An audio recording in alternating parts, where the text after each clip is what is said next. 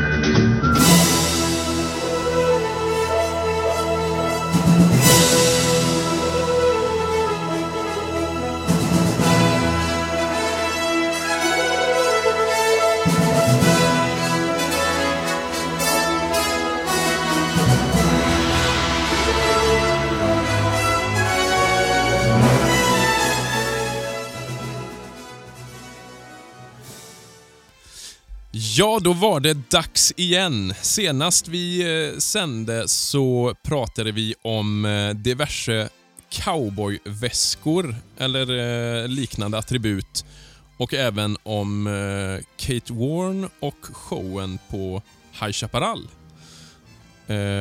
Det var ett tag sedan, det säger vi varje gång. Det känns allt som att det är så himla långt mellan avsnitten.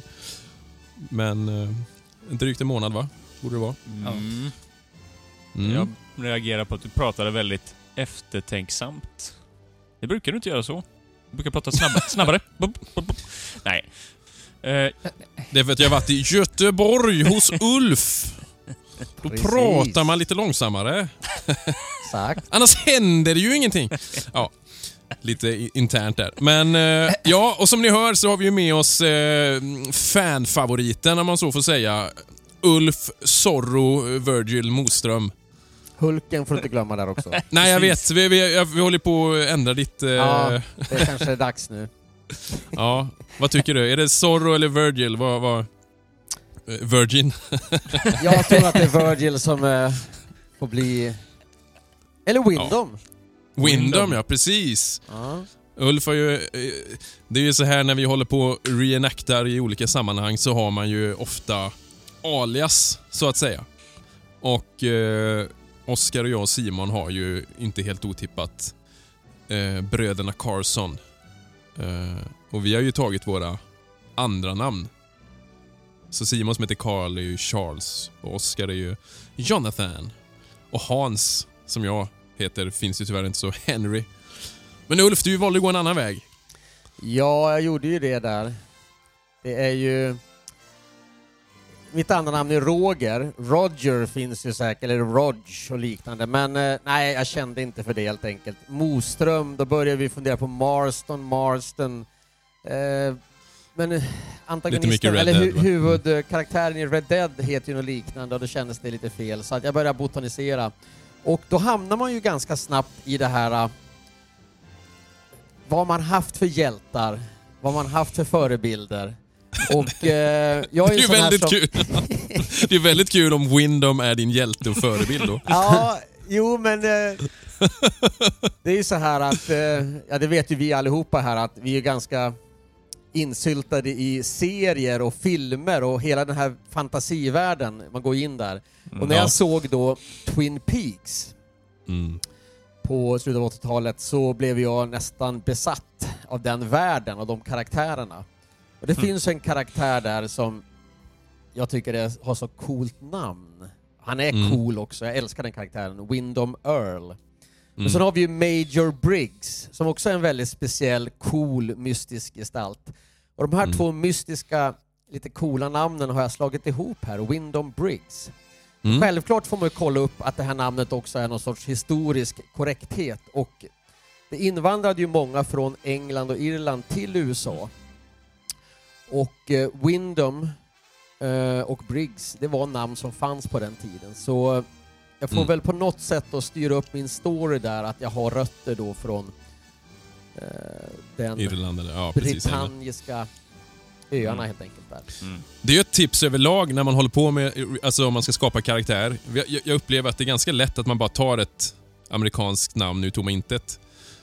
Det är ju, eh, ett tips kanske att man kollar hur vanligt var det namnet? Ja, om man ska vara, under 80-talet. då, Å andra 40 år. sidan var det väldigt stor variation bland namnen just då. Både i USA Jo. och även i Sverige. Alltså fruktansvärd variation. Det har nog aldrig Ja. varit en sån stor variation som just då. Man kunde heta nästan vad som helst ju. Ja, okej, glöm det jag sa. Men också det att, eh, Nej, så att säga, immigrationen pågick under ganska lång tid, så det blandades ju upp och man tog ju namn så att även inhemska uppfödda tog ju namn som var efter ett tag då Mm. eh, utländskt härkomst då. Mm. Precis. Ehm, ja, innan vi går in på dagens stora ämne som, vi, som kanske är det största ämnet på ett sätt som vi har gjort. Eh, jag tror många har det ehm, varmt om hjärtat just det ämnet. Eh, Mm. men, in, men innan vi går in på det kan vi bara stämma av lite hur, hur säsongen har varit så här långt. Nej men alltså lite grann ser jag så här att jag är faktiskt mållös lite grann. Jag, Mm. hade, jag, jag tog tag att liksom samla sig där för att vi har ju haft en ganska stor eh, upplevelse alla fyra här tillsammans. Mm. Absolut. Ja. Nyligen. Ja. Mm. Vi var i Riverdale Mm. på deras, eh, vad, vad heter det? Frontier Camp va? Trade camp, ja Trade precis. Camp ja. Det var ju, ja. Det Ja, var vi väl... var ju faktiskt i Riverdale också. Ja. Mm. Det var väl deras första anordnande av någon liknande evenemang va? Ja, Nej. var det det? Jag tror inte det va? jag tror de har haft någon sån open eh, Ja. innan. Men inte i den här omfattningen kanske? Nej. Nej, kanske inte. De hade ju det där guld, guldvaskeriet förra Mm, året. just Hade de ju det. Just det. Vi, vi behöver inte gå in i detalj exakt Nej. vad som hände, men det var ju ett, ett öppet event där Jonas som har stället och bjöd ju in, eh, alltså om man vill sälja grejer, och det fanns ju, vi Mm. kan säga det, alltså det fanns ju ett camp, det, det är ju eh, offentligt. Mm. Eh, med en järnvägsräls då som leder in till själva staden då. Mm. Eh, Det, och det, som var sagt- väl, det var väl egentligen en reaktion på High Chaparrals inställda rendezvous. Ja, Typ. jag fattar det lite som det i alla fall ju. Det, det kändes nästan lite så. Ja. Fast det blev mycket bättre. Ja, som sagt Ulf, det var ju första gången du var där. Mm. Eh, Som sagt, reaktioner. Ja, alltså... När man gled in på parkeringen och såg skylten sen bakom några träd där så växte ju lite grann förväntningarna. Men eh, jag har ju också sett, jag har hört mycket stories från dig och Mm. så här vad berättas och eh, det fanns ju en del förväntningarna var rätt höga. Men jag måste Mm. säga att eh, jag blev blown away så fort jag klev in på sand, sanden där i huvudgatan i Mm. Riverdale och såg, ja, men en, en, en, såg den här världen så att säga öppna upp sig. 1880 kanske Fyra. då, Ja. Mm. talet där, eh, öppna upp sig med tidstrogna hus och eh, livet liksom lunkade på där lite grann när vi kom. Mm. Folk jobbade lite där med satte upp sådana här stånd för försäljning med olika saker som man hade, hantverk, skinn, hudar, olika saker. Och det, det kändes som att man helt plötsligt bara vips var i den här världen. Mm. Den känslan får man ju inte på High Chaparral. Nej.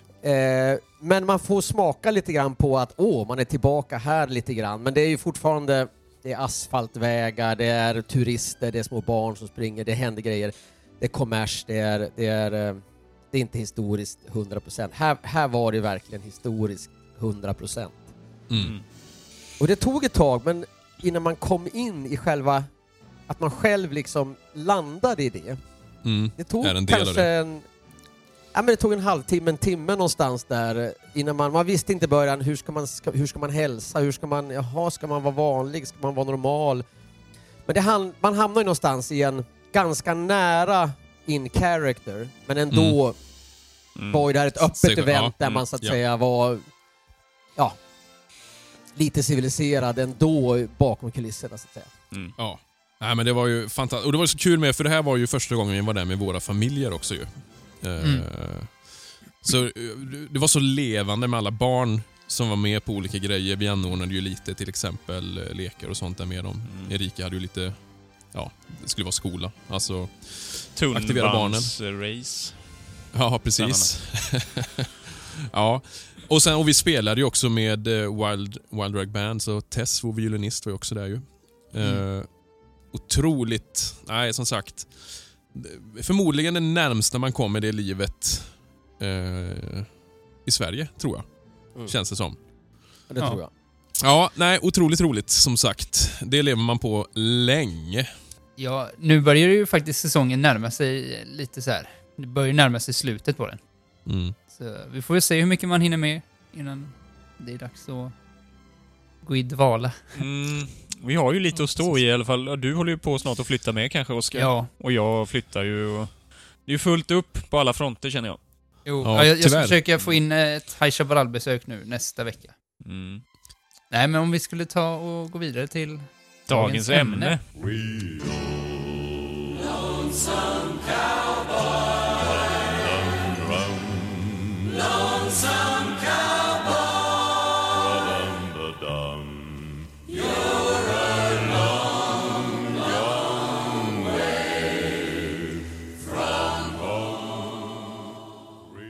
Dagens ämne, vad kan det vara för någonting? Det är ju någonting som... Om man tänker på vilda västern, vad tänker man på då? Ja, då tänker man ju kanske på cowboys, tänker jag. Ja, och det är ju kanske ett ämne som man tänker att det kanske borde vara det första vi tog upp. Men det har vi verkligen gått och dragit Mm. på, kan man säga. I över ett år ju. Ja, Fanns det två år, eller vad blir det? Herregud. ja. Ehm, Det är tvåårsjubileum snart. mm, det, det känns ju som ett fruktansvärt eh, stort ämne, Mm. eller hur? Jo. Det är kanske är lite därför man har eh, väntat på det så länge. Men det, det, kändes, det känns ju lite som att man vill eh, eh, vara mer påläst när man går in i det här eh, ämnet. Ja. Mm. Det, det, det, är så, det är så stort och vitt ämne och eh, som sagt, det betyder mycket för många tror jag. Och många har många olika åsikter om det. Och det märker man när man Mm. läser på om det med att det finns så väldigt många olika aspekter som man kan eh, tackla det på liksom. Ja, det är ju väldigt lätt Utifrån. att fastna i detaljer med liksom, ska man snacka om kläder specifikt? Ska man gå in på det och det? Du kan ju, det kan ju bli hur långt som helst. Men vi har ju försökt nu att hålla det... Mm, Med, med risk för att upprepa oss själva. ja, eh, lite mer generellt. Ungefär som när vi körde det här lagmansavsnittet då. Men det här blir ju kanske lite mer omfattande än det, förvisso. Mm. Ja, Men det här är ju kan större komma, ämnen. Kan det ju komma längre fram att vi djupdyker i vissa av de ämnen vi pratar om idag. Ja, Precis. säkerligen, Det- säkerligen. är ju tanken. Ja, men också att eh, det har ju handlat ganska mycket om saker som är fakta. Man, Mm. kan man kan prata om vapen för man har en historia, det finns fortfarande kvar Mm. vapen och man kan prata om filmer, man kan prata om sådana saker. Men när det gäller en cowboys liv och leverne så är det ju andrahandsuppgifter man får gå på och Mm. eh, ingen av oss har ju trots allt varit där under den tiden. Och Nej. även om vi hade varit där så hade vi bara haft en begränsad del av den helheten, den mångfald som det är att vara cowboy på den tiden. Mm. Mm. Och sen är det ju bara under en kort period dessutom. Mm. Ja. Det är ju väldigt intressant att det här, för en, en, en så pass, vi har pratat om det förut, att själva västerneran är ju väldigt kort och har präglat USA så enormt och världen eh, på många sätt. Och det här är ju en ännu mindre del som har verkligen format en mytisk figur egentligen. Ja, det finns ju ett mytologiskt skimmer där egentligen som fanns redan då. Det är ju det som är lite intressant. Ja. De här dime novels och sen uh, vilda västern-shower och allt möjligt. Och sen eh, om ni tittar på dem, Vi har ju kollat mycket i de här Wild West-böckerna nu, bland annat, Mm. eh, inför det här avsnittet.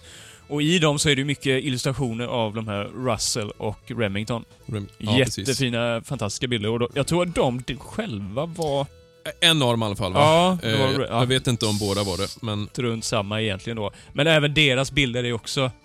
Det som de säger där, alltså, de är ju korrekta i sina detaljer ofta. Men han Mm. väljer ju alltid att fokusera på väldigt dramatiska händelser då. Ja. Vilket såklart spär på den här bilden. Ja, om vi tar som i början där, om, eh, eh, med grizzlybjörnen till exempel. Det är en, en tidig illustration, då visar de ju hur några cowboys uppe i Montana eh, ute och vaktar hästar och så kommer det en rasande grizzly som de då faktiskt fick fånga och sen stena ihjäl. Eh, Precis. och det är en händelse som har hänt Mm. enligt deras utsagor. Då. Och likaså när de rider in till salonen och börjar skjuta hejvilt. Ja. Det är också en bild som han har med där. Det är inte så Eh. konstigt att det blir mytomspunnet när Nej. hela perioden var så speciell och så kort. Mm. Ja. Pratar om typ 20 år. Mm. Och sen försvann den va. Så, att, så att Mm. det är klart att, att, eh, och det var ju ändå, det hände ju spektakulära saker i det här cowboylivet Mm. som ändå bygger Ja. på det här Precis. legender och berättelser och... Men sen så var ju det, det som är, visas i filmer, cowboyen Mm. som någon sorts outlaw, nästan lite banditaktig och rider och är helt fri och bara glider Mm. omkring på vidderna. Det var ju, det var ju nästan, det var ju inte alls eh, representativt. Nej. Nej, det, det man märker här när man läser på, det är ju att det, det handlar ju snarare om en extremt hårt arbetande eh, ung man, nästan alltid då, eh, under fruktansvärda förhållanden egentligen att arbeta. Eh, och det intressanta i det här är ju att folk drogs till det. Mm. Eh, men vi kan väl säga så här då, om vi börjar med att ta huvudsakliga källor. Det, som vanliga, alltså I vanliga fall har vi ju nätet, vi har True West Magazine, vi har olika böcker. Mm. Men jag tänker just här har vi Framförallt då, vi har varit inne på den som du nämnde Simon där, Mm. Wild West, eller original heter ju The Old West. Den här Mm. bruna. N- när släpptes Bokserien. den? Är det 70-tal eller? I USA? 84. Ja, det är så sent ändå. I USA Mm. alltså? Mm. Oj, okej, jag tror det var lite... Ja, USA vet jag i och för sig inte, men jag, ja, jag kan inte svära på det. Men vi- där någonstans då. Ja. Eh, och, och det här är ju Cowboys då och författaren till den här heter ju eh, William H. Forbis. Forbis. Tack. Och det, det är ju, för de som inte känner till den här bokserien då, då finns det ju, kommer inte ihåg hur många, är det 10 volymer det finns i Sverige kanske, eller om det är 20, jag minns inte. Ehm, med olika fokus då, som gjordes av Time Life Books i USA. Mm. Eh, då finns det ju Cowboys, Kvinnfolket tror jag den heter, Ranchägarna, Texas och Revolvermännen och så vidare. Mm. Eh, och, och, och Det är ju en gedigen bok med res, ett helt, helt research-team bakom, tror jag. Eh, Sen är det ju inte facklitteratur på det sättet att de använder fotnötter och sånt. är ju inte Nej. det, tyvärr. Och det, en sak som jag Extremt verkligen synd. saknar är ju det här med årtal och foton alltså. Det står ju ytterst, Ja. ytterst sällan vilket år det här fotot är taget. Det, det är lite synd, känner jag. Får jag korrigera dig lite Emil där? Eh, Jag tittar Mm. just nu på att eh, första utgåvan kom 72 Oj. eh, Okej. i USA, eller 73 står det här. Eh, Mm. Original 84 i US Sverige edition. då. Det känns som en Ja, 70-talspublikation det där. Ja. Eh, absolut. mm. Eh, nej men som du säger, det är synd det här med fotnötterna. För det, det är mycket, som bilder till exempel, då får man ju gissa lite grann. Men, och det är likadant eh, citat och sånt som står. Mm. Vissa delar står det ju var det kommer ifrån. ja, ja. Men det är svårt att hitta källan till det. Men man... Ja, ja vi... Som med allt när man går igenom de här grejerna får man ju ta vissa saker med en nypa salt. Men många saker stämmer överens med de olika böckerna vi har kollat i. Som jag har ju eh, lagt mycket fokus på I See By Your Outfit då. Mm. Eh, Historic Cowboy eh, Gear of the Northern Plains.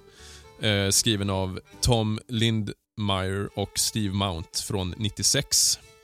Eh, och det är ju en fokus på Alltså e- egentligen är det ju utrustning och kläder, men också livet och roundups och allt sånt. Med fokus på de norra slätterna då. Mm. Eh, egentligen, de här är väl från Wyoming, så där är det ju, och Montana där omkring. Mm. Men det gäller ju mycket, alltså det är stora delar som är samma för både Ja. eh, söderut och så vidare va. Mm. Eh, och sen har jag även en bok som heter Cowboys, Indians and Gunfighters från 93 då av eh, Albert Marin. Eh, och den är ganska bra, den hänvisar till många olika källor litteratur. Eh, och just det, den I see by outfit, den har ju däremot fotnötter, den är ju kanon. Citat och allting, den är väldigt exakt, så den Mm. känns ju extremt pålitlig. Eh, det är ju bra. Faktiskt.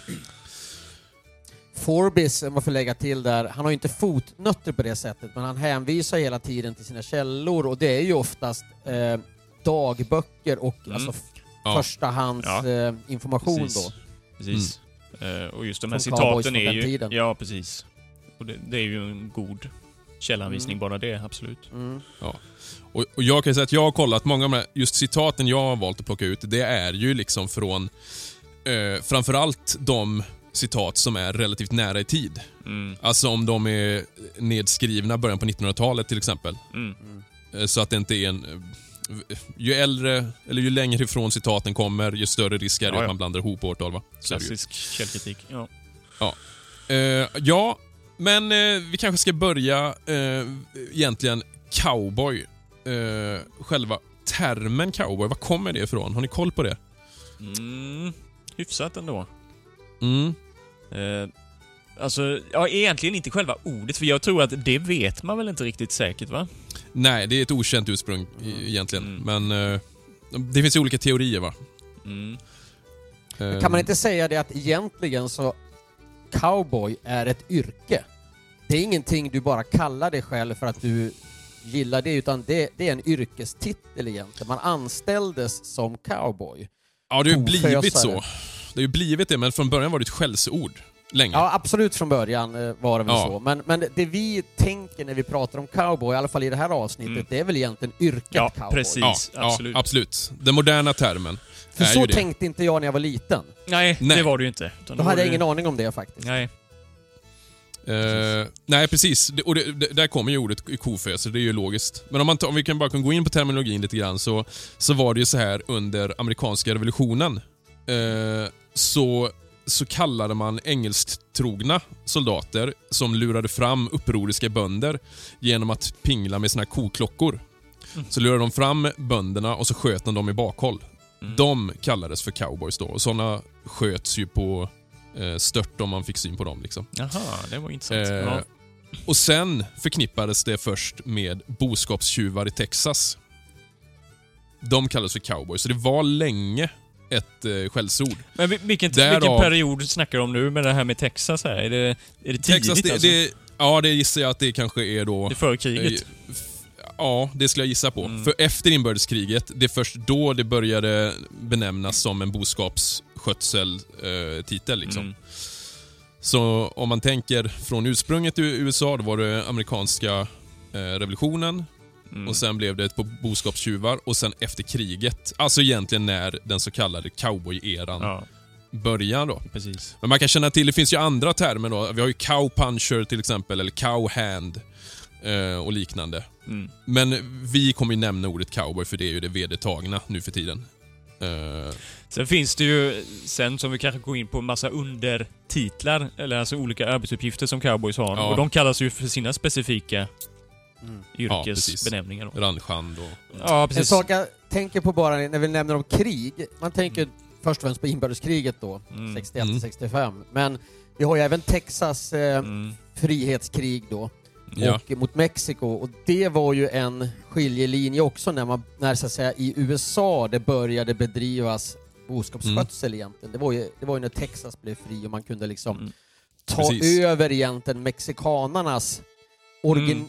Ursprungliga boskapsskötsel. Man liksom snodde deras, Ja. Mm. deras Exakt. yrke egentligen då. Och det är någonstans då- på 30-talet. Eh, Mm. ja, 36 precis. Ja. 36 blev, eh, då blev ju rep- republiken Texas. mm. Och då följde ju Alamo, alltså kriget där va. Ja. Och sen eh, var det väl 10 år ungefär som det var självständigt och 46 så blev det en del av USA.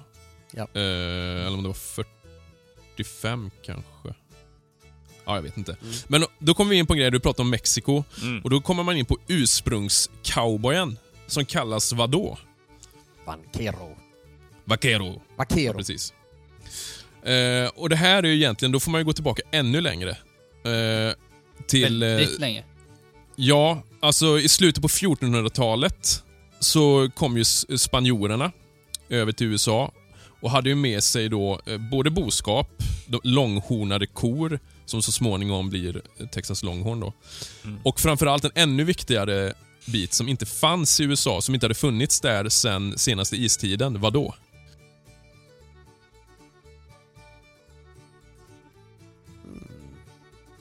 En viktig, viktig del för indianen så småningom. Skjutvapen. det fanns före istiden. Hästar. Ja, ja, ja. fanns inga hästar innan. Så indianerna innan detta, de sprang ju överallt om de skulle någonstans. De hade liksom inga egentligen djur, riddjur på det sättet, eller som kunde dra grejer, utan det fick de göra själva. Just det, det har vi pratat om innan. Men sa inte du någonting om att det var jättesent de anammade ridkonsten? Alltså att det handlar om ja, till och ja, inte... För det jo, låter ju relativt sent. märkligt. Ja, men jag menar, jag för mig, sa inte du 17-1800-tal? Men det, Mm, nej, nej, inte så sent riktigt. nej, jag menar det, för det låter ju helt Ja, men- orimligt. Ja, ja. Ja, för det var ju så här, när spanjorerna kom över, Mm. då var det ju att Mexiko stod ju under eh, astetiskt, säger man det? Astekiskt. Astekiskt styre. Mm. Eh, och det var ju ända fram till Cortés kom och in- invaderade eh, början på 1500-talet. Mm. Eh, och då var det ju så att de europeiska boskap man hade med sig då, de frodades ju här. Och eh, mådde ju väldigt bra och blev en, en stor viktig del av eh, den här eh, spans eller conquistadorernas eh, och spanjorernas, eh, vad ska man säga, det blev en inkomstkälla för dem egentligen. Mm. Eh, och då började man ju träna arbetare specifikt för att ta hand om de här. Och spanjorerna tyckte ju att de, de var ju liksom, det var under deras värdighet att syssla med just ta hand om boskapet. Mm. Så då använde man, först och främst hade man sina egna slavar. Och har ni koll på vilka slavar de hade med sig? Ja, du har ju nämnt detta förut. Du pratar om morer i det här fallet. Mm, precis. De hade ju med sig det. Eh, Och sen hade man ju även då så småningom aztekiska eh, indianer. Mm. Så de här blev då de första som fick ta hand om eh, boskapen. Och eh, började kallas så småningom för just vaqueros. Den alltså mexikanska urcowboyen kan man säga. Mm. Ehm, och till en början då, då fick ju inte de här använda hästarna. För det ansågs ju vara liksom ett krigsredskap. Och man tyckte att det var en fara i att lära eh, sina undersåtar att rida, för det kunde ju användas emot dem. Men så småningom blev den här industrin så stor. Alltså man började ju bygga, eh, jag kommer inte ihåg, ranchos eller något liknande, alltså rancher då. Eh, och då var de tvungna att lära eh, en del av kanske de mest trogna slavarna att ta hand om det här. Ehm, Så det var ett fåtal från början. Egentligen. Men så småningom blev det ju vedertaget att okej, var du en vaquero då var du tvungen att använda hästen. Så här utformar man ju hela den. Det är, Tekniken. de är ju lite... Nu är de kanske inte en renodlad etnisk grupp, men jag läste lite på om det där och det verkar som att utifrån DNA-analyser och sånt så visar det sig att deras möderne till stor utsträckning är av indianskt påbrå då. Mm. Och kanske fädernet till större del är europeiskt. Ja. Ja, för det blev ju så småningom en, en, en, blandning såklart. Ja. Eh, och det, till början var det ju mer slavarbete, så de hade något litet skjul, de fick äta någon form av tortillas, majsbröd, väldigt enkelt. Mm. Men jag tänkte bara kan nämna lite vilka kläder de hade, för det kan vara lite kul med tanke på det som kommer sen då. Mm. För det här är ganska tidigt. Det här kanske är då 1600-1700-tal då, gissar jag. Mm. Eh, då hade man ofta alltså skjorta och byxor i ofärgat bomull. Eh, en serape, vet ni vad det är för något? Nej. Nej. Det är ju typ, ja men typ, tänk sånt som Clint har i, eh, typ en sån poncho då. Mhm. Ja, okej. Mexikansk eh, ylle. Det är en poncho Eh, alltså? Eller? Ja, Ja, en cap Typ, typ. av... Ja. Det är en, en form av det. Och så hade man då en bredbrättad hatt eller sombrero. Eh, och lite kul där, sombra, det ordet, betyder skugga. Så det är ju Mm. skuggmakare liksom. Mm. Eh, man var barfota, men man bar sporrar redan då, då för att kontrollera hästen. Mm. Eh, man hade spjutliknande vapen och lariata, typ en tidig form av lasso då. Men inga skjutvapen eller? Eh, nej, Det, eh, in, in, inte då. Inte de i alla fall. det är ju intressant med, för i Sydamerika så kallas det ju gauchos, motsvarigheten. Mm. På pampas och stäpperna. Mm. Eh, de har ju en helt annan utrustning så, men de har ju... De har inte heller skjutvapen.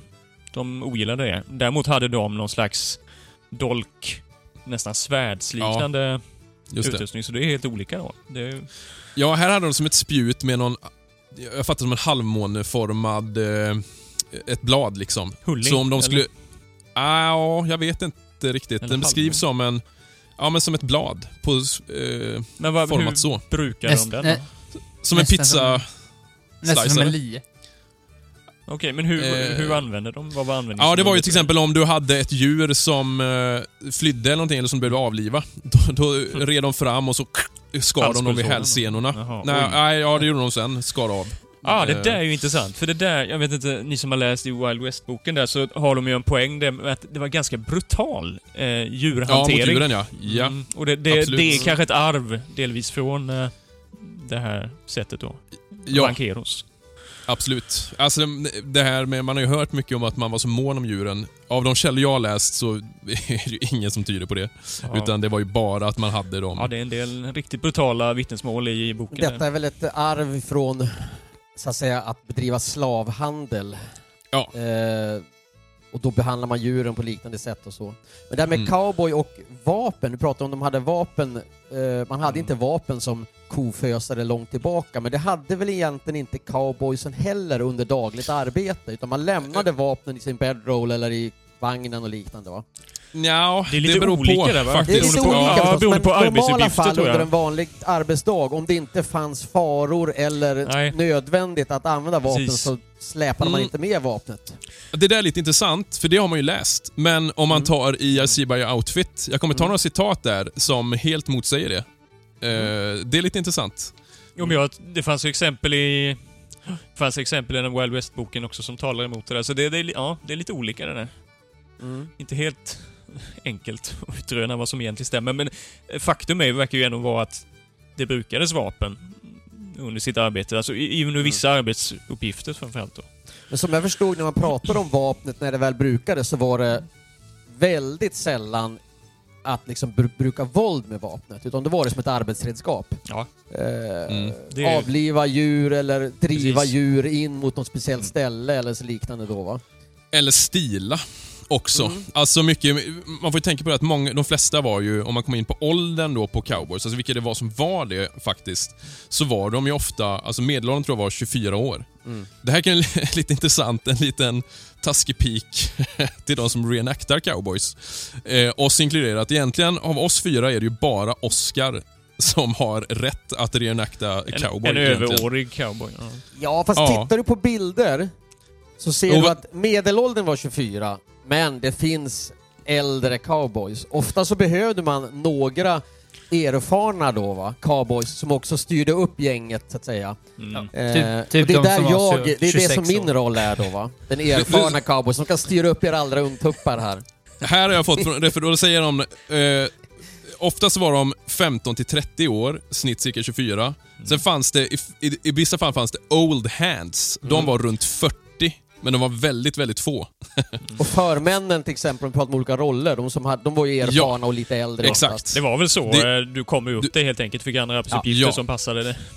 dig. Ofta var det ju cowboy ungefär kanske sju år snitt och sen gick du vidare och kanske skaffade en egen ranch eller gjorde något annat. Så som just koföser ute på trailern, då var det, det var nog ganska sällan att du var över 40 alltså. Det, Eh, det var ju Av det jag läste i alla fall. oerhört slitsamt, så det är inte konstigt alltså. Du slits ut fort. Men som Nej. jag förstod var ju det här inget, så att säga, det var ju egentligen inget högprestigeyrke, utan tvärtom. Det här var ju det lägsta form av Ja. yrke du taget kunde tänka dig. Och de som sökte sig dit, det var ju de som inte kunde få något annat jobb ungefär. Va? Mm. Ja. Mm. Eh, så det var, det var lågavlönat, det var skitigt, det var liksom det värsta form av arbetarjobb man kunde ta. Precis. Och Mm. Ja. Ofta tänker man att det är en livsstil, liksom, att jag är Mm. en cowboy, men det är ju snarare så att det är ett jobb du tar för stunden. Ja. Eh, Som exempel så, John Ford, som jag talar mig varm för varenda gång i princip numera. eh, han var ju cowboy i åtta månader. Innan han kom till Hollywood Mm. faktiskt. Han är ju egentligen från östkusten. Eh, född av irländska föräldrar då. Men eh, han, eh, hans bror, egentligen hans äldre bror, Francis, åkte i förväg. Nu vet inte jag om han arbetade som cowboy, men han hamnade ju i Hollywood. Och det var han som tog namnet också. De hette ju Ofini från början. Så fick han ju det namnet tilldelat i Hollywood sen, alltså brorsan. Mm. Och på vägen dit sen, jag antar att han gick ju hans fotspår lite grann, John Ford då. Så var han, jag minns inte om det var Texas, nej Arizona var det nog fast, tror jag. Eh, så var han där nu, om det var kanske 1915 gissningsvis någonstans där kring. Innan han kom i Hollywood då, 1916. Det är lite kul. Så han har ju Mm. ändå varit med och levt livet och jag menar det är ju ändå, det är ju ganska nära i tid när vi går ner till 1915. Mm. Och det får man också vara medveten om när vi pratar om det här att det här är ju ett yrke som jag pratade med en på Riverdale, nämligen just om att hålla på med boskapsuppfödning och allt det här. På många sätt är det ju exakt samma sak idag, men man använder lite andra redskap. Mm. Men i mångt och mycket är det många saker som är oförändrade. Eh, vilket är lite intressant. Mm. Och då kommer man ju in på taggtråden där då, som vi kanske går in på i detalj mer sen. Ja, precis. Spelar en väldigt stor roll där. Vi kan bara knyta an det sista där med Vaqueros då. Mm. Du sa ju det Ulf, att eh, Vaqueros lärde upp dem i eh, Texas. Ja, alltså de... eh, Visst sa du det va? Ja, men dels så gjorde de ju det, men också när kriget var över så tog ju de i Texas det här livet och alla djur och allting och Mm. det var väl Ja. så att en del hade lärt sig det här och kunde då driva upp de här äh, djuren då. Mm. Men eh, det, det var ju en stöld egentligen. Ja, för egentligen är alltså som jag fattade, om Texas då som var mexikanskt styre eh, innan, eh, vad sa vi? 36 va? Mm. Eh, då, upp till 20 000 nötkreatur per år flyttade då eh, vaqueros från Texas till Louisiana och Mississippi. Alltså ett helt sekel innan Richard King eh, från eh, The King Ranch, alltså det är den största ranchen i USA under, eh, vad kan det vara? Ja men precis runt inbördeskriget och innan där. Eh, så eh, de anställde ju King Ranch till exempel, då, de anställde ju vaqueros Mm. till att lära upp just eh, eh, det som sen blev cowboys då. Just det. Mm. Och sen Mm. anammade de ju även klädstilen med då ju, Ja, i samband med detta. absolut. Och utrustning med såklart. Ja, Mm. Och arbetssättet. och eh, terminologi, alltså olika, alla namn Ja. vi har. I princip alla de här klassiska cowboy-termerna. Alltså lasso och det. Allting kommer ju därifrån mer eller mindre. Mm. Eh, sen också, jag vet inte, känner ni till begreppet caballero? Nej. Nej. Inte alls. Eh, ja, i alla fall. Det är ju ett latinskt ord från början. Alltså det, det är eh, caballus. Och det heter ju det på spanska med fortfarande. Det betyder ju häst egentligen. Mhm. Eh, samma som var chevalier, alltså ridderlig. Det går ju tillbaka på att rida. Ryttare Ja, ja. liksom. Och riddare Mm. är det ju egentligen Mm. samma sak där. Mm. Eh, och det är ju deras namn på deras ranchägare. Det är caballeros. Eh, de här vanqueros. Så vanqueros är ju de som, ja det är cowpunching då, som arbetar för Mm, ranch, deras ranchägare som är caballeros. Men Mm. eh, deras ranchägare var ju regel, det var ju också som ett, som en klass kan man kalla det då. Det var ju lite finare så, men de var ju också, de var ju jätteduktiga på att rida i regel, de här caballeros. Mm. Det var ju inte alla ranchägare sen då, särskilt inte de här boskapsbaronerna som vi kom in på lite senare. Mm. Så det skiljer sig ju lite där, men... Men kan, kan man säga lite så här också att om man ser bakgrunden, allt som har med affärer och det här är ju en sorts affärsverksamhet trots Mm. allt, det har ju med efterfrågan att göra och det, var ju, det ökade ju en efterfrågan på kött. Mm. Mm. Som man förstod så var det mycket grisfarmning man höll på med tidigare, men när den här så att säga, koköttet då blev lite känt så, så växte ju efterfrågan på det och hela östra delen av USA expanderade ju enormt Mm. från egentligen 1800-talets början. Mm. Eh, och det blev ju en, en explosion av befolkning som Mm. krävde mat. Ja, precis. Precis. Eh, och, och, och där kom ju liksom då efterfrågan på Mm. det här. Och, det är nog också en stor skillnad mellan om vi tar vaqueros och cowboys. För i, i Mexiko då, och den biten, där var det ju, om vi tänker på 1700-talet, då var det ju inte fokus på köttet man ville åt. Utan då var det ju hudarna egentligen, Mm. framförallt. Mm. Och här är det ju en helt annat fokus. Så det är väl en stor skillnad kan man säga på själva den, hur man bedrev eh, ja, hur man använde sig av boskap överhuvudtaget. Och, Och fettet också va? Man använde fettet till att Ja, göra talg ja, ja, precis. Mm. eh, Som blev en, en produkt som liksom exploderade i efterfrågan också, Mm. början på 1800-talet. Men det är ju ganska intressant just det där man ser på matkultur. USA är ju kända för sina steaks. Det är ju liksom, det är ju nötkött som gäller där. Mm. Mm. Till skillnad från här där vi äter mycket mer griskött egentligen. Och det är ju ett Mm. arv från den här tiden. Det är ju lite, Mm. det är ju intressant när man ser det så. Förstå Mm. hur det hänger ihop. Får får jag berätta en rolig anekdot? Eh, Ja. Kanske kommer in på det här lite senare här, men min mormor växte upp i en fjällby Mm. som till hälften Mm. var sameby. Fanns två samebyar i den här lilla byn då, och Mm. hälften av de som bodde där var svenskar då. Mm. Eh, Det var ju min mormor då, men det finns Mm. mycket anekdoter, hon har berättat mycket roliga saker. Men på den tiden så, hon såg ju inte en, ett, en gris för hon var efter 20 och lämnade den här byn. Kor eh, fanns ju inte då, utan eh, man hade ju alltså höns och eh, lite andra saker och, och Mm. fisk framför-allt då. Mm. Eh, men man importerade från USA griskött som kom Jaså? till Mo i Rana i Norge och sen transporterades över fjällkedjan till Ammarnäs då, som är den här fjällbyn. Det kom alltså inte från Sverige upp utan Oj. man kom från, över Norge, över havet. Mm. Och hon kallar ju Fan. det då för amerikanska fläske. och det var ju alltså, det var egentligen bara en grissvål, det var typ nästan inget kött på det, som var Nej. starkt nedsaltat och hårt som man karvade från då. Och det här var alltså ungefär som våra chips, det var Mm. godis i stort sett. Man åt det här och det var ju så fantastiskt gott, det här amerikanska fläsket. När var det här så? Början på 1900-talet? Nej? Ja, bara på 1900-talet. Mm. Ha, kul.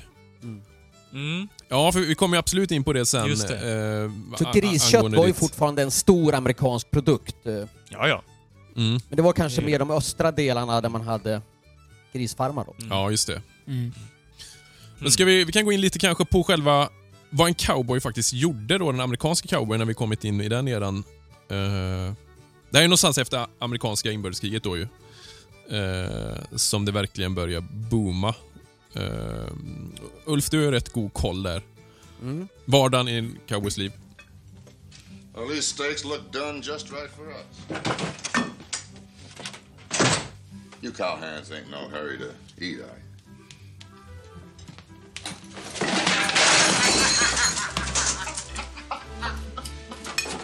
That's my steak, Valance.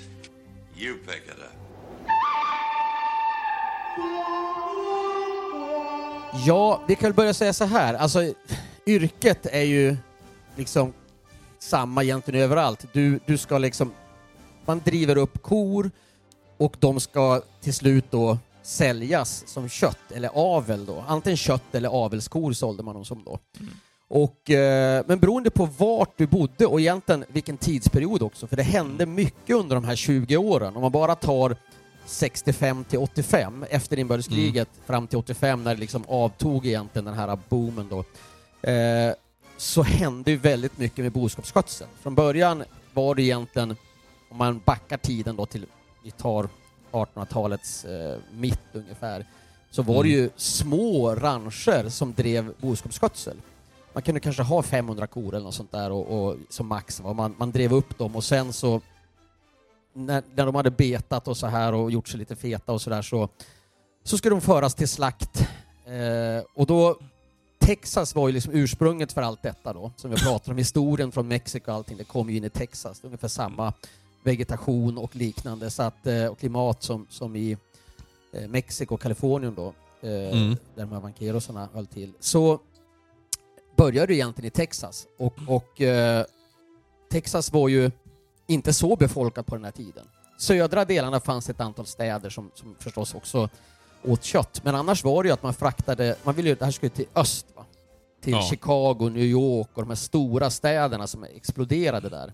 Mm. Eh, och eh, i, faktiskt är så här, järnvägarna, när kom de? Union Pacific, den stora järnvägen, anlades 62. Mm, Jag vet inte om det fanns andra järnvägar genom USA innan här, vilka tider, om det fanns det, men innan dess då var man ju tvungen att driva de här för hand så att säga, hela vägen till, till försäljningsstället egentligen. Men Mm. från 62 också, när järnvägen anlades, och den gick ju genom Kansas då, så blev ju det centrum för vart man förde de här korna. Och där Mm. växte det upp då olika typer av bolag som slaktade och sen förde korna vidare, eller att man förde dem levande då till USA, eller, eller östkusten då så att säga. Mm. Men där, man sålde dem oftast till eh, företag då som, som låg längs med städerna kring järnvägen då i Kansas. Mm. Eh, och eh, det var en ganska lång sträcka. Eh, det kunde ju vara... Du skulle föra de här korna kanske upp till 300 mil Mm. beroende på vart du eh, bodde så att säga då. Va? Längst i söder ända upp till norra delarna där i Kansas. Det var ju det var en lång sträcka. Ja. Och eh, Det är Sjukt långt egentligen. Ja, ja, visst. Det är helt otroligt faktiskt. Och eh, det tog ju ganska lång tid. Men en Ja. cowboys liv var ju inte bara den här boskapsdriften som kunde Nej. ta två till fyra månader helt enkelt och, Nej. och, och jobba. Utan det, det var ju ungefär hälften av året, lite drygt halvåret, så jobbade man med boskapsskötsel. Det var egentligen två grejer man gjorde. Antingen var det inringning av kor, det Mm. vill säga man samlade ihop korna. För att det gjorde man då så fort det blev vår. Då har ju korna då spridit sig under vintern och man hade inte samma koll på korna under vinterhalvåret. De, de drog iväg lite grann så att säga och, och, och så här. De sökte nya betesmarker och försökte hitta det här. De, de, de, de drog iväg. Så man samlade ihop korna på våren. Och eh, tidigt på våren också så födde ju korna kalvar. Mm. Så då skulle man ju märka kalvarna.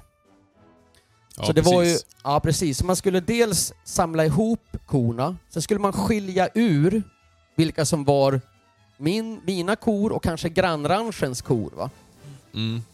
Och, eh, så det var en, en skiljning då på kor och sen skulle man då ta hand om kalvarna och de skulle ju märkas. För man mär, det här gjorde man ju ganska tidigt, man märkte så att säga djuren på olika sätt. Brännmärkning eller att man hade ett snitt i örat. Ja, precis, det precis. fanns lite olika sådana varianter. Det fanns faktiskt 200 olika sätt att skära i örat. För att Ja, märka för jag, jag, jag läste att eh, rancherna hade olika sätt ju. Ja. För att man skulle skilja på dem. Att antingen skära av rakt av, eller ett hörnen, eller... Mm. Ja, jag tänkte på det här med brännmärkning. Är det någon som vet när man börjar med det? Nej.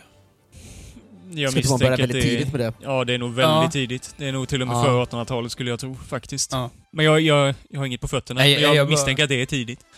Satt och funderade på det. Mm. Började prata om det. Ja. När det kan ha börjat liksom. Det, jag, jag, vet inte, jag inbillar mig att det, det kan varit redan Ja, för det i måste- Mexiko, eller? Ja, för det måste ju vara en sån... Vaqueros. Vaquero. Ja, det måste det ju vara. Mm. Tänker jag. Det ska jag tro också. Ja. Ja. Eh, så att man samlade in de här och skilde de här. Det var också unga tjurar skulle man kastrera. Mm. Mhm. Eh, man ville inte att de skulle vara... De, blev, de betedde sig illa om de så att säga Ja. inte var kastrerade. Utan blev de kastrerade lugnade de ner sig och de betade mer och blev liksom, fick mer kött på sig och sådär. Mm. Eh, I alla fall, man var väl tvungen att spara några till avel antar jag. Eh, Precis. ändå va. Mm. Men, Ja. men det vanliga var att man kastrerade unga tjurar, märkte kalvarna och sen så skilde man. Och det här gjorde man då för att man förde ihop de här korna. Det var ett stort arbete. Det kunde ta, det kunde ta eh, en två, till två månader att Mm. göra allt detta. Mm. Eh, och eh, det gjorde man tidigt på våren. I södra delen av USA börjar man alltså i april ungefär. Och sen ju längre norrut du kom, ju längre väntar man med att starta det här. Precis. Kanske i maj, i mitten på USA, i juni först, i no, absolut norra delarna då. Mm. Eh, men man kan väl säga det att egentligen hela mellan USA är ju en enda stor prärie. Mm. Ja. Mm. Sen är det ju det är ganska intressant med klimatet här. Varför man kallar det här för Wild West och vad, vad, Mm. vad, vad som var så speciellt. Och det var ju egentligen geografiskt, eh, geografiskt klimatiska orsaker. Mm. brukar prata om den här 98 meridianen Meridian, ungefär ja, i mitten på USA. Eh, väster om den så var det ju väldigt lite regn. Mm. Mm. Eh, vilket gjorde att, att det blev ju torka egentligen där. Mm. Det växte Ja, bara, ja, det liksom. växte bara Mm. speciella typer av grässorter som Mm. klarade den här, det här lilla regnet helt enkelt. Mm. Eh, och det, det gräset var ofta väldigt näringsrikt. Det är ganska intressant. Väldigt näringsrikt gräs.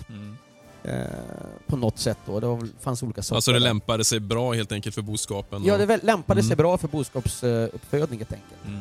Sen är det ju också en, från södra till norra delen har det ju skillnader. Det man inte tänker på det är att USA är ju som en sluttning. Eh, I norr så ligger det högt upp och i söder så är det långt ner och det rann ju floder då från egentligen norr till söder. Mm. Eh, så det var ju ett, ett, ett skiftande höjdlandskap också som gjorde att klimatet blev annorlunda. Mm. Sen förstås i söder så är det varmare av den geografiska orsaken. Mm. Så det var ett lågland i söder som var väldigt torrt och varmt. Och i norr så var det då lite mer högland. Det var mycket mer bördigt. Det växte, det var faktiskt frodigare i norr. Men det var också tuffare att bedriva boskapsskötsel på grund av ge- det, det geografin där med mycket... Ja, och förflytta dem ja. Mm. Ja, precis. Så att cowboylivet skiljer sig åt från söder till norr beroende på klimat och geografi faktiskt. Mm. Och sen verkar det ju förändrats också eh, vart man tog boskapen och vart de... Alltså dels det här med järnvägarna, Mm. men sen också, det verkar ju som att om man tar norrut, nu har jag ju läst mycket just om eh, Wyoming och Montana, det ju. Men under tidigt 70-tal till exempel, då kom ju majoriteten av de kreaturen som var i Wyoming, de togs ju från Texas. Så det var ju en skitlång, ännu längre då om jag jämför med Kansas. Här är det ju rakt ända upp liksom på toppen av kartan. Eh, men runt 73, då började det komma djur från Colorado, Oregon, Nevada, Washington. Eh, så då började man ha, det verkar som att tidigare var det ju mer över hela landet som du sa. Men sen blev det mer och mer zoner, fattar jag Mm. det som. Och det påverkar kanske vilka boskap.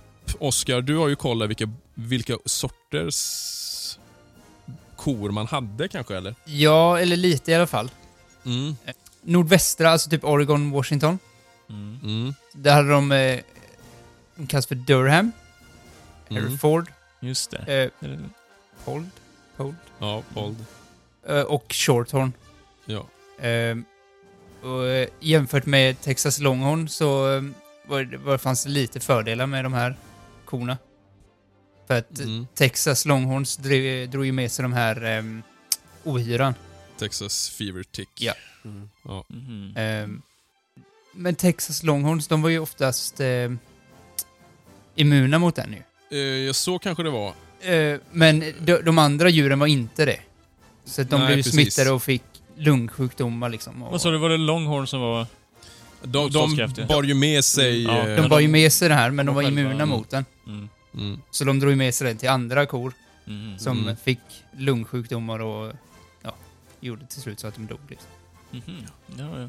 Och sen var ju de hornen med va?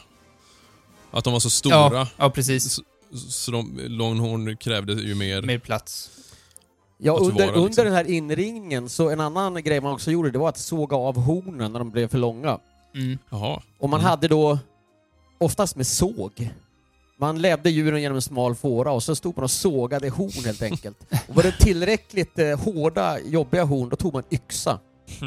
Nej, fy fan. Ja, ja, det är brutalt. Men, men det var ju detta du pratade om Emil med, för egentligen Texas Longhorn då, de har ju sitt ursprung i Europa. Mm. Eller hur? Spanien, ja, Ja. precis. Ja. Eh, Mm. Men frågan är, såg de ut så från början eller har de avlat dem? För jag tänker med de här långa hornen. ja, det är ju frågan. Det är det vet jag inte riktigt. framavlat? Är det någon egenskap? Varför ska de ha långa horn? Finns det någon alltså, Naturligt är ju en sak, eh, om det har uppstått Ja. liksom, men om det är Jag någonting som gissar människor har att det är avlat på. naturligt. Jag gissar att det är naturligt, för jag läste någonting om att det fanns något liknande liksom in, eh, runt istiden också. Med Då bör de ju ha sett horn. ut så från början egentligen då, med Ja. långa horn. För att det, jag har fått för mig liksom Mm, att det är någon framavlad egenskap, men det, det finns ju liksom ingen fördel med det egentligen alls. D- där kommer ju en rolig grej då, på tal om framavlad. Eh, Mm. I den här Wild West-boken står det ju om eh, att man försökte avla en blandning av buffel och longhorn. Just det. Det läste ni kanske? Gick åt fanders, ja. Då är ju Catalow. Eh, den skulle alltså vara köttigare än longhornen och den ska vara starkare än en oxe. Hmm. Eh, men med seg och ullig hud som man kan ha till läder och päls, alltså typ som en bison då, eller buffel. Mm. Eh, och den skulle klara sig på magert gräs och tålde bistra vintrar. Och det här var ju perfekt, för det här var ju ungefär eh, typ 85 tror jag. Mm. Som man på nytt i alla fall började testa det här. Jag tror Charles Goodnight påstod att han hade börjat prova det innan. Mm. Och det är ju en av de här stora rancherna då. Ranchägarna Ja. som vi... Och han, Ja, vi nämner honom lite grann, kanske inte i superdetalj, men vi kommer nog Nej. beröra honom flera gånger framöver här. eh, men, och grejen var då att man tänkte att buffel, den var ju för svår att tämja och styra. Men om man kunde ta det här lynnet som kor har, eh, då kanske man, de kunde bli lite fogligare. Så man tänkte att det här låter ju ultimat. Mm. Men det sket sig ju totalt. Mm. Eh, för det första blev de extremt fula och de, eh, de kunde inte överleva på egen hand. De kunde inte föröka sig och om det väl kom liksom en tjurkalv, då dog oftast mödrarna och tjurkalvarna föddes sterila. Eh, så det var ju inte så Ja. lyckat, men det, på pappret lät det ju som en bra idé. Mm. Just det. Nej, men det, här med, det här med avel, det är ju egentligen en otroligt svår grej. Mm. Man Mm. börjar från början handlar det om domesticering av vilda djur. Mm. Det tar ju jättelång tid. Ja, ja. Det var ju därför Mm. att det, de här korna som kom från, från Europa, det var ju en, det var, hade ju tagit, jag vet inte hur många Mm. år det tar att domesticera och avla fram kor, men det var ju en jättelång tid. ja, ja. Eh, och sen skulle man då här på kort tid försöka liksom då effektivisera de här djuren genom att Mm. avla fram. De lyckades ju avla fram små variationer i de här kossorna, från longhorn till shorthorn och lite andra grejer. Ja. Men, men det var väl något som föregick på de här när det blev större rancher, nästan fabriksliknande boskapsskötsel, så, så jobbar man med det här och det sker ju fortfarande. Ja. Eh, man håller ju på och Ja, avlar eh, olika typer av kor och ja, köttdjur så att säga. Mm. Mm, mm. Vi avlar ju även grönsaker, alltså allt som Ja, man ja, säger avla, men vi, vi håller ju på att så att säga, genmanipulera hela tiden. Mm. Mm. Ja. Stalin avlade ju apmänniskor till exempel. Mm. Men det gick inte så bra.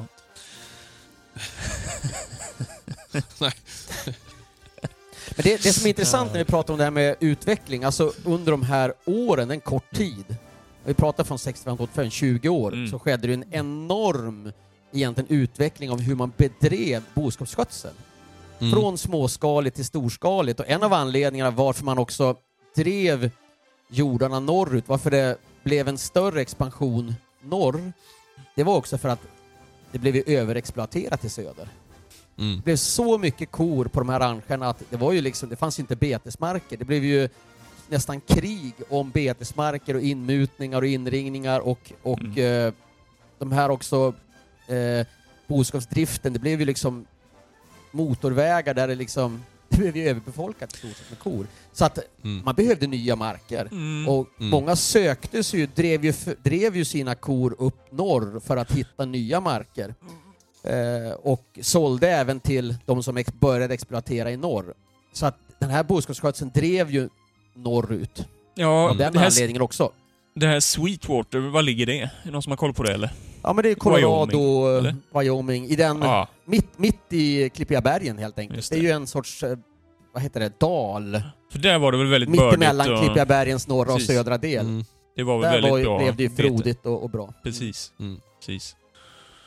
Men det här med inringning, jag pratade lite om inringning tidigare. Mm. Alltså, man gjorde det på, på våren var den stora inringningstiden och det var, en, det var en period som varade en och en halv, två månader ungefär i söder. Mm. Eh, de kunde driva iväg ganska långt de här korna. Eh, Mm. Och eh, ja, 20-30 mil ibland behövde du liksom åka runt för att samla ihop. Och Mm. då kunde du stöta på massa olika ranchägare. Det var en hopblandning av kanske 20-30 ranches kor Mm. ibland. Va? Och eh, man gick ihop sen också och gjorde gemensamma inringningar, stora företag helt enkelt, eh, Mm. med tiden då. Men eh, sen hade du då även en inringning innan vintern kom ofta. För du vill Mm. göra en sista uppsamling eh, innan vintern för att få ordning på de här korna då och liksom, Och se status och så va? ja men se status Mm. och, och sådär och, men, men det, i och med att inringen var stor på våren, det handlar ju också om att dels samla ihop, de hade spritt ut sig lite på vintern då, men, men eh, också att, att eh, det var ju kalv, kalvmärkning Mm. och man, de Mm. födde ju kalvarna på våren helt enkelt. Mm. Så att eh, där var det ju en stor del, ha- handlar om det. Apropå det, lite anekdoter.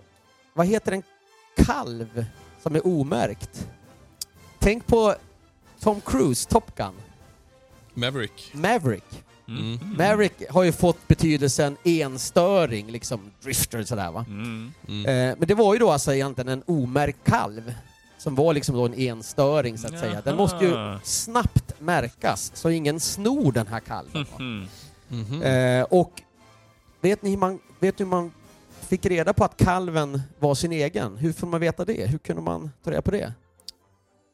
Eh, vadå, alltså när den föddes menar du? Eller vadå? Nej men alltså om man nu samlade ihop ett gäng och så var det Mm. massa kalvar i den här stora, hur kunde man veta Jaha. att det var min kalv? Man hade väl med kanske mödrarna, jag vet inte. Ja, precis. Mm. Det var Ja. nämligen så att kalv, alltså bandet mellan kalv och moder var väldigt starkt, så det var väldigt Mm. tydligt. Man såg direkt eh, Mm.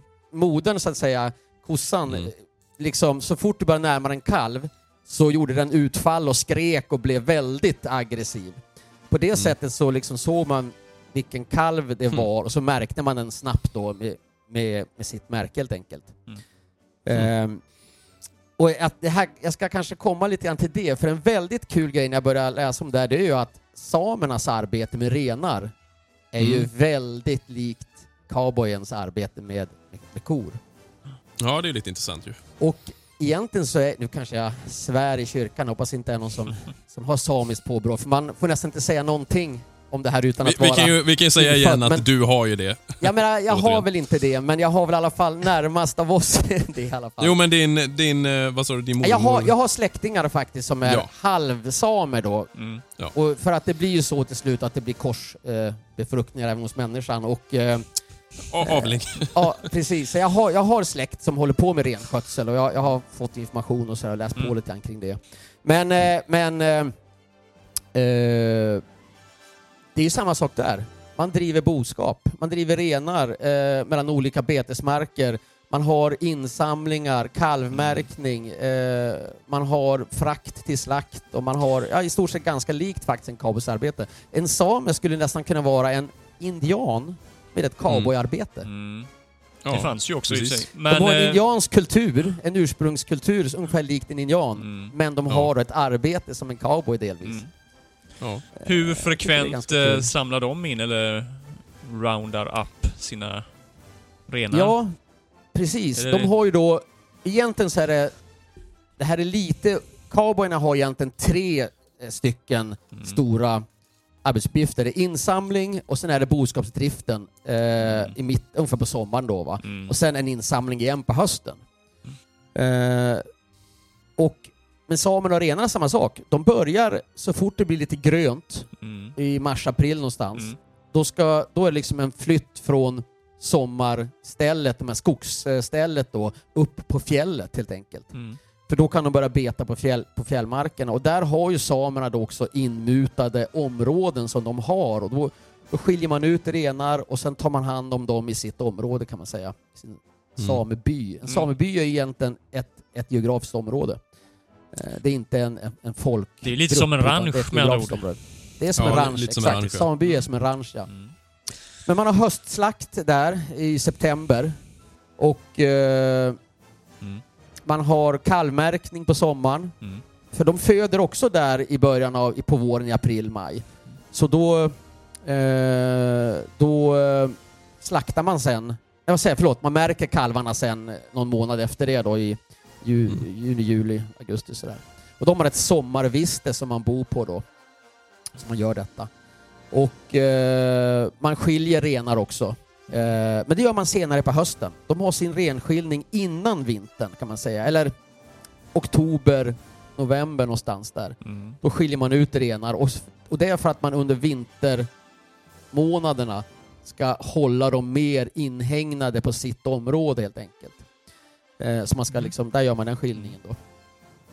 Ehm, och eh, det finns mycket som är ganska likt faktiskt. Jag menar samerna de, de är tvungna att under delar också jaga bort rovdjur. Det var, var en av cowboyens jobb också, att jaga Precis. vargar och liknande. Precis. Mm. Eh, Då det kommer, ju, då även- kommer ju vapnen in igen, för det kunde man ju ha Ja. vapen till just där. De Ja. Är det någon som vet vad... Det var väl varg som var det värsta Mm. rovdjuret i, i western. Men, men eh, är det någon som vet vad, vad rovdjuren är för en, en, en ren? Björn, järv, björn. Ja, eh, lodjur. Lodjur och järv. Lodjur, ja. Precis. Ja. Så att... Eh, mm. Ja, det där är lite intressant egentligen som sagt. Eh, Det är nog det närmsta man... Jag tänker idag överlag, alltså internationellt måste det vara ett av de närmsta eh, samhällena som lever likt hur cowboyyrket var på 60-80-talet. Mm. Ja, det tror jag nästan. Det som skiljer åt då, en grej som är ganska typiskt, det är att en same ofta behöver flytta renarna på grund av betesmark. Mm. Eh, man har två betesområden i stort sett. Det är egentligen fjällområdet och skogsområdet. Så man, man driver ner renarna eh, på, mot vårkanten då, eller förlåt, mot höstkanten ner till skogsområdet. Så att de under vinterhalvåret är i skogsområdet och kan beta där. Och så fort det blir vår, då förs de upp på fjället igen. Mm. Eh, det gjorde ju inte cowboysarna egentligen, att de behövde flytta på grund av bete. Eh, det, det kunde de ju behöva göra någon gång, men, men ofta så var ju flytten var ju för att transportera dem till, Till försäljning ja, till försäljning helt enkelt. Ja, mm. Mm.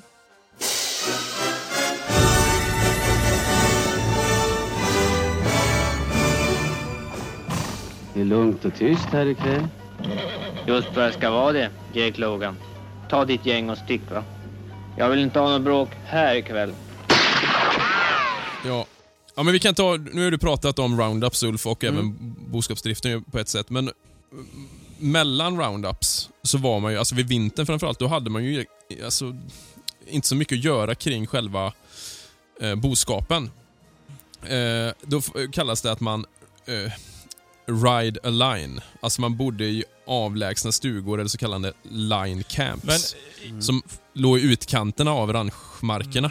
Men jag bara får bara flika in en grej där. För att det är ju de som är anställda då. Som fortsatt anställda. För jag läste en uppgift där nu att under vinterhalvåret så får ju, vad är det, två tredjedelar får ju sluta sin anställning. Ja, Det är en precis. tredjedel som är kvar, ungefär. Ja. Frilansande cowboy. Mm. Och det här med de här utposterna, utpostjobben, det gällde väl också kanske lite större rancher? Eh, ja, oftast. Lite alltså se till att inte kanske. kreatur... Ja, ja... Ja, 70-tal i alla fall. Ja, började 70-80-tal. då ja. ja. För, Mm. för i mitten 80-talet sen, eh, då försvinner ju det lite grann i och med att du börjar använda taggtråd. Mm. Då Ja, det handlar ju det ju mer om att rida runt Precis, och se efter. Du behövde ju se efter vissa saker Ja. och just hålla koll Du hade ju dem på markerna så du måste ju, någon måste ju åka. Mm. Ja, precis. Hålla koll. Men det var ju hårt på jobb. Du hade ju liksom få jobb som du sa Simon. Alla hade ju inte det. Nej. Så man levde i stort sett på boskapsbaroner Mm. eh, baroner och k- andra cowboys generositet kan man säga. Det var liksom en del av den så kallade eh, range-koden. Att man skulle aldrig sända iväg en, eller neka en hungrig resande. Mycket överlag handlar ju om en, en, en kodex för en cowboy kan man säga. Alltså hur man betedde sig eh, överlag. Och mycket om att ta hand om varandra.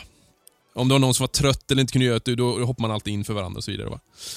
Eh, Och även farmägare var ju väldigt, som jag förstått, gen- generösa med Ja, att menar släppa det, in precis. kringdrivande, att liksom...